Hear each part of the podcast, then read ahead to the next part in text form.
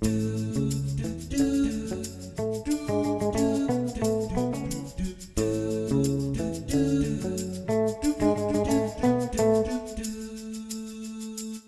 välkommen till Bokspanarna, bokpodden från biblioteken i Luleå med Agneta. Magnus. och Helen. Och idag så ska vi prata om, ja, vi har inte kommit längre till ett arbetsnamn som blev utomsocknes, böcker som är utomsocknes. Så vi kör väl på det. Mm. Helt enkelt böcker som är, ja, inte bara utomsocknes utan utanför landsgränserna, kanske till och med utom Europa, om vi har tur. Och det finns ju väldigt mycket att välja på, så därför har jag faktiskt två böcker idag, för jag kunde inte välja. Men jag tänkte att idag får Agneta börja. Okej. Jag ska... Vi, dels är vi i Sverige, men vi är också på Åland och i Marocko. Eh, den här boken heter eh, I lögn och lust och är skriven av Pernilla Lindros och hon är själv eh, från Åland. Och det kan, man märker kanske lite grann i när hon skriver att alla ord eh, kanske man inte riktigt känner igen eller så, men det, det är en riktigt, riktigt underhållande bok. Eh, huvudpersonen heter Lucky och hon är döpt till Lucky. Hon heter alltså det för att hennes föräldrar har varit lite hippieaktiga under hennes uppväxt och hon har alltid fått lära sig att pengar är inte det viktigaste här i livet. Så när hon nästan utan att hon vet hur det har gått till, nej men det vet hon ju, hon har ju faktiskt lämnat in en lottorad. Men hon vinner alltså 558 412 kronor tror hon först, men det är alltså euro. Och det är ju hur mycket pengar som helst. 558 412 euro. Hon berättar inte för någon. Eh, hon blir så chockad när hon pratar med den här personen från lotteriet att hon tappar sin telefon och två månader senare så har hon fortfarande inte ersatt den för att skärmen spräck, spräcktes men, men den funkar i alla fall. Så hon har inte rört pengarna, hon har inte ens, hon har inte ens berättat det för sin man Joakim. Eh, tre år tidigare träffade hon honom på en, på en ja, men på ett uteställe och han var från han är svensk och han jobbar i Stockholm eh, med data, tjosan någonting. Och eh, han kommer ju då hem till Åland och henne och hennes dotter Hanna med jämna mellanrum. Eh, Hanna är 15 år och hon hatar Joakim. Hon kan inte förstå vad han, hennes mamma ser hos honom och hon blir mer och mer utåtagerande. Och Lucky tycker väl kanske att Joakim skulle kunna vara, ligga lite lägre i kontakten med, med Hanna för han, hon tycker att han provocerar henne onödigt ofta. Eh, men en kväll så ringer Hannas pappa och han ringer aldrig, framförallt inte till Lucky, eh, för de har inte haft ett jättebra föräldraförhållande om man säger så.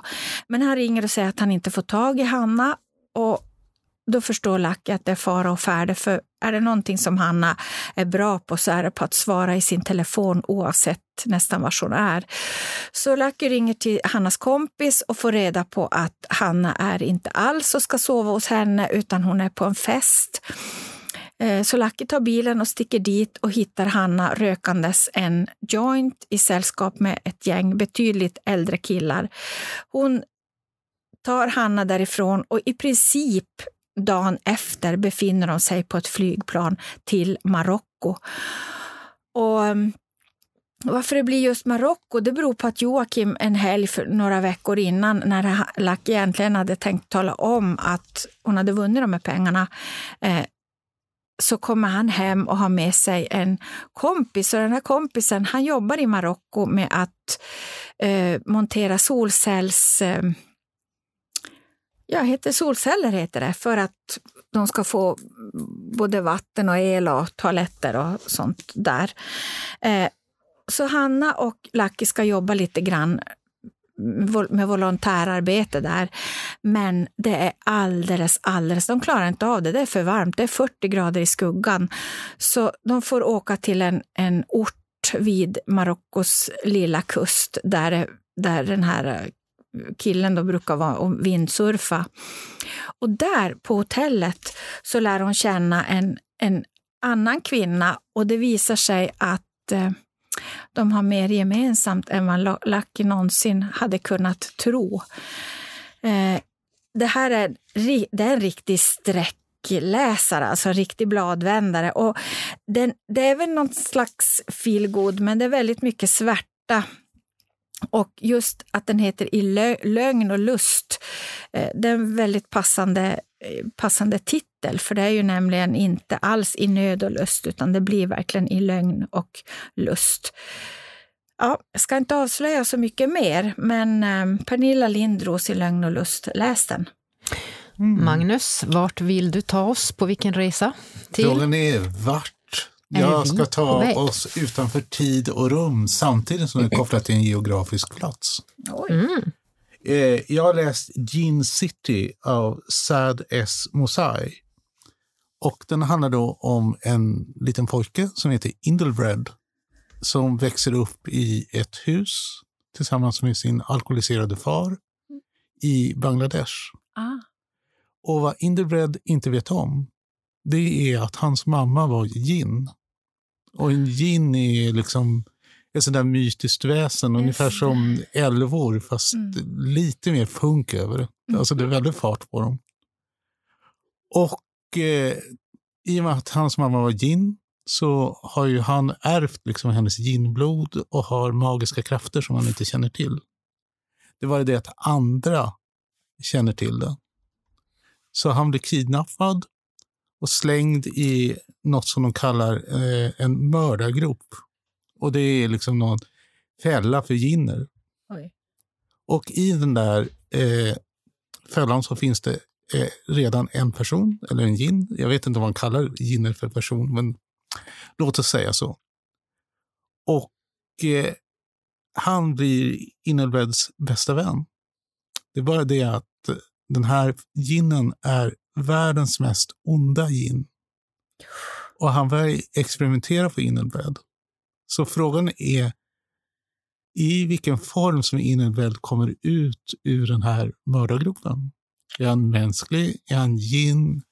Eller något totalt uh. annat? Och det här är uppblandat då med eh, beskrivningar av liksom det moderna eh, Bangladesh. För naturligtvis har han ju en auntie. Mm. Och jag vet inte om det är hans riktiga moster, för i Indien så kallar man, mm. det är en sån där hederstitel, man kallar i mm. princip alla äldre kvinnor för auntie. Eh, som är väldigt smart och som ska dra ginnerna inför rätta liksom, för att komma åt det här problemet och ta reda på vad som har hänt med honom.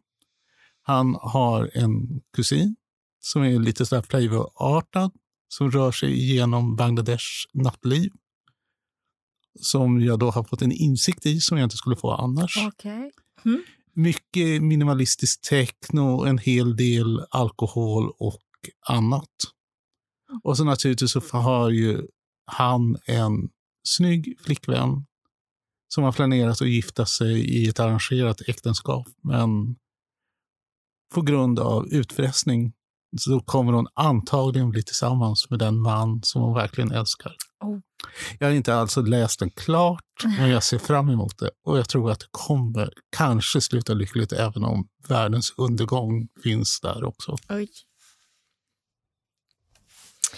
Okej, då ska jag ta er på två resor eftersom jag inte nu kunde bestämma mig för vilken av böckerna jag skulle ta. Två väldigt olika böcker, men vi börjar i Korea och Japan och boken är Min Jin Lees Pachinko. Och Pachinko det är en form av spelhallar som är väldigt populära i Japan som spelar en roll i den här boken som är en släktsaga kan man nog säga. Eh, den utspelar sig mellan 1911 och 1989 och eh, 1911 så börjar vi i en liten fiskeby i Sydkorea där det föds en... Ett fattigt par föder en dotter, Sonja. Och denna Sonja är det som vi får följa med i hela berättelsen. Sonja hon blir, eh, när hon blir större, gravid med en gift man och det är ju inte bra. Men då dyker det upp en präst som är väldigt sjuklig. Isak heter han och det blir Sonjas räddning. För Isak eh, och Sonja de gifter sig och Isak eh, han tar hand om barnet som sitt. som föds. Och de får även mm, gemensamma barn. Men han tar i alla fall med henne till Japan. Och Sonja hon mår ju inte så bra i början. Dels för kan hon inte språket och de får ju som leva i exil. De behandlas som andra klassens medborgare. Det är fördomar, rasism, restriktioner. Men Sonja hon är en väldigt stark kvinna som kämpar för att hennes barn ska få det bättre än vad hon har haft det, så att de får utbildning och bra jobb. Och barnen lever ju också lite grann som andra klassens medborgare. De, de måste bland annat förnya sitt uppehållstillstånd var tredje år, trots att de är födda och uppvuxna i Japan. Och det här är en fantastiskt bra bok. Eh, det kan ju låta som att det är en tung bok, men det är det inte. Den är, det är en bladvändare helt enkelt. Mm. Man kan som inte sluta läsa.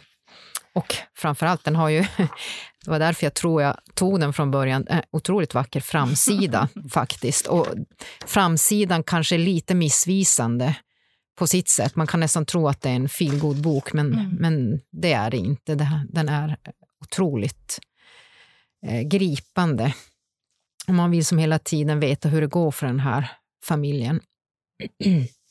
eh, den andra boken, den tar oss med till Laos i Nigeria. Författarinnan Ojinkan Braithwaite som har skrivit eh, Min syster seriemördaren, hon är född i Lagos i Nigeria och boken utspelar sig som sagt där. Den handlar om två systrar som växer upp i ett privilegierat hem. Det är Ayola som är otroligt vacker och alla faller för henne och blir bortkollrade av henne och hon är mest på jakt efter att få bekräftelse från män. Och hennes syster Korede är det ordning och reda på. Hon är sjuksköterska och hon är väldigt bra på att städa, vilket mm. Ayola då har god nytta av eftersom Ayola hon eh, ringer första gången då till sin syster och säger att oj, hon har råkat hugga ihjäl sin pojkvän i självförsvar. Och Kareda är ju en snäll syster så hon packar ner eh, blekmedel och gummihandskar och drar iväg och hjälper Ayola att helt enkelt städa bort alla bevis. Och det här händer inte bara en gång, det händer flera gånger. Och Korede hon hjälper till. Men så börjar Ayola dejta Teid Tade, jag vet inte riktigt hur man säger, en läkare som Korede är förälskad i, hemligt förälskad i. Och då förstår ju Korede att okej, okay, är det han som är nästa offer? Och vad ska hon göra åt det? Ja, det får ni veta om ni läser boken. Oh. Det här är en bok som är mm, delvis både spännande men också ganska mycket svart humor i sig. Den är första gången, alltså när jag läste den så blev jag lite så här, va? Vad är det här för någonting?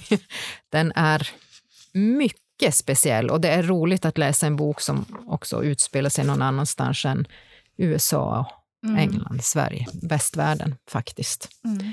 Min syster seriemördaren av Ojinkan Braithwaite.